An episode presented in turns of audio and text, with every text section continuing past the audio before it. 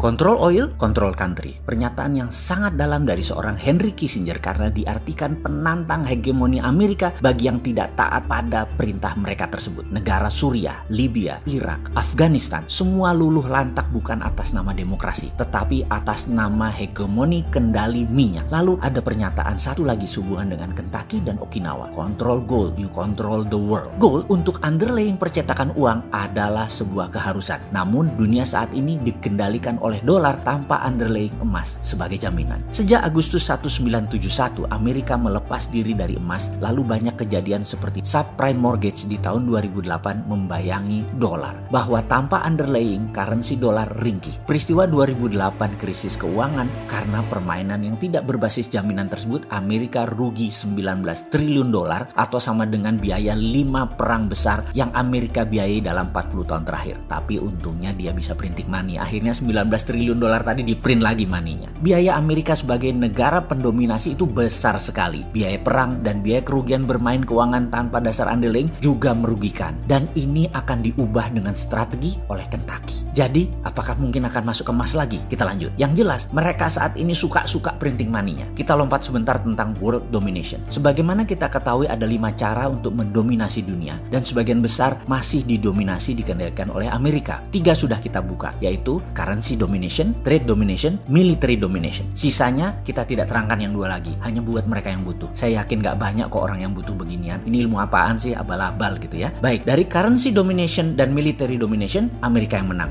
Tapi trade domination, Tiongkok yang menang. Kita lanjut. Dari tiga hal tersebut, Cina mengambil satu, sekali lagi, yaitu trade domination. Yang dua lagi, ini peluang bagi Indonesia. Sekali lagi, tapi bagi yang ngerti ngelola negara, wes tak simpen wae lah. Orang banyak yang gak peduli untuk Indonesia menjadi berpeluang besar mendominasi yang dua tadi. Indonesia malah lebih jatuh cinta sama Cina atau sama Amerika. Wes biarin, biarin. Nanti yang dua ini kita simpan aja buat nanti ya. Oke, kita lanjut. Kita bicara tentang currency domination lebih dalam lagi sekarang. Semua masih ingat kan di tahun 97-98 di mana serangan ekonomi hitman kepada pemerintahan Soeharto menyerang rupiah dari 2.700 ke 15.000 hanya dalam waktu 6 bulan. Indonesia rontok. Krisis moneter lalu menjadi krisis politik. Waktu itu, inilah hal yang dilakukan di Kentucky yaitu melakukan simulasi hal ini. Amerika sedang melakukan simulasi. Simulasi mengantisipasi supaya dolar tidak menjadi seperti subprime mortgage lagi dan bagaimana saat ini bersamaan bisa menyerang sebuah negara. Nama simulasinya adalah currency warfare simulation. Anda akan tegang bagaimana simulasi itu mereka lakukan. Semua dengan perhitungan matematik yang sangat rinci, algoritma yang sangat jelimet. Mereka melakukan semua atas nama dollar reset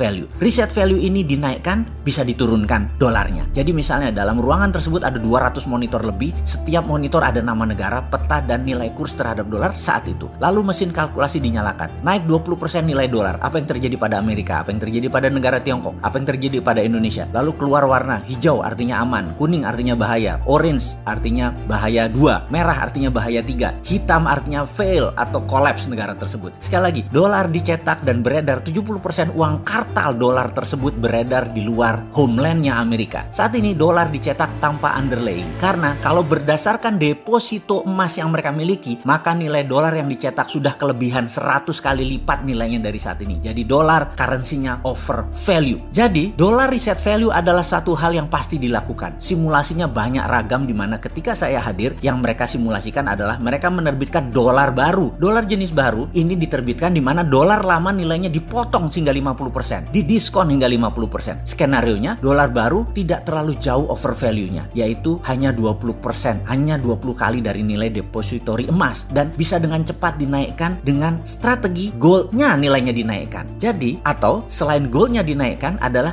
cadangannya dinaikkan karena itu dia sangat berkonsentrasi untuk mengambil cadangan deposit emas atau tambangnya. Jadi kalau kita Indonesia memiliki cadangan devisa 120 billion dolar in one night, begitu dolar reset value dilakukan nilainya tinggal 60 billion, tinggal 50%. Menariknya ketika dihajar atau dikat dengan 50% nilai dolar baru, Cina tidak rubuh. Cadangan devisa mereka Tiongkok walau ada dolarnya namun gold reserve-nya Cina kuat. Dunia akan kacau jika dolar reset value dilakukan adalah sekitar 9 bulan. Sampai keseimbangan ekonomi baru tercipta. Ada beberapa wilayah dunia yang akan lumpuh, ada yang tumpah darah, namun semua itu terukur. Simulasi kedua dolar baru diciptakan namun nilai dolar lamanya adalah nol. Amerika nilai dolarnya sama dengan nilai cadangan emas mereka. Efeknya dunia akan perang selama lima tahun, kekacauan sistemik di mana-mana. Cina kolaps atau dalam bahasa Lemhanasnya namanya fail state, negara gagal. Simulasi berikutnya adalah dolar di-cut 80%, tinggal 20%. Ternyata Cina lumpuh menjadi negara paria. Menariknya, Indonesia rupiah itu di level turun 20% atau dolar naik, sudah lampu kuning. Di level 30-40% oranye, di level 50% fail state merah. Kalau rupiah dikuatkan atau dolar dilemahkan, 50% ditebas, Indonesia lampu oranye. Jadi Indonesia lebih rentan jika dolar dikuatkan daripada dilemahkan. Jangankan diterbitkan dolar nilai baru, dengan dolar lama dibawa ke harga 19.000 atau 20.000 bahkan sudah oranye pemerintah Indonesia saat ini. Sekedar mengingatkan, yang goyang pemerintahannya bukan negaranya loh ya. Itulah salah satu di antara banyak informasi yang saya dapat dari Kentucky. Saya berpikir hebat. Ratusan gambaran sekelebat melintas di kepala saya. Semua gambaran prasangka buruk. Kepala saya terbayang galian tambang yang dalamnya minus 4000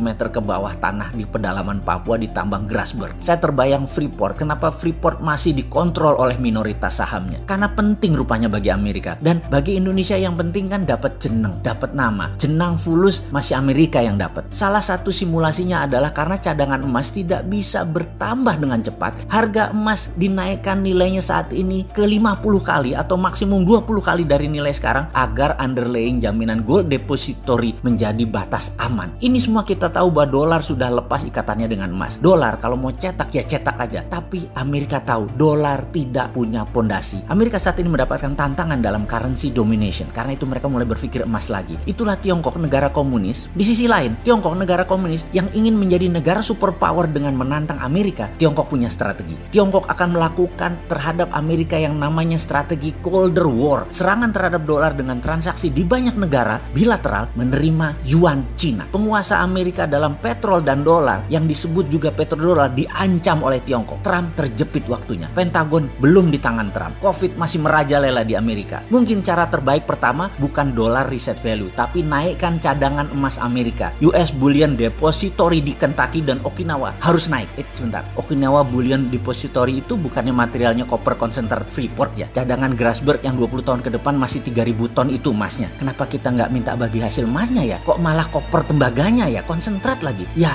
begitu dah.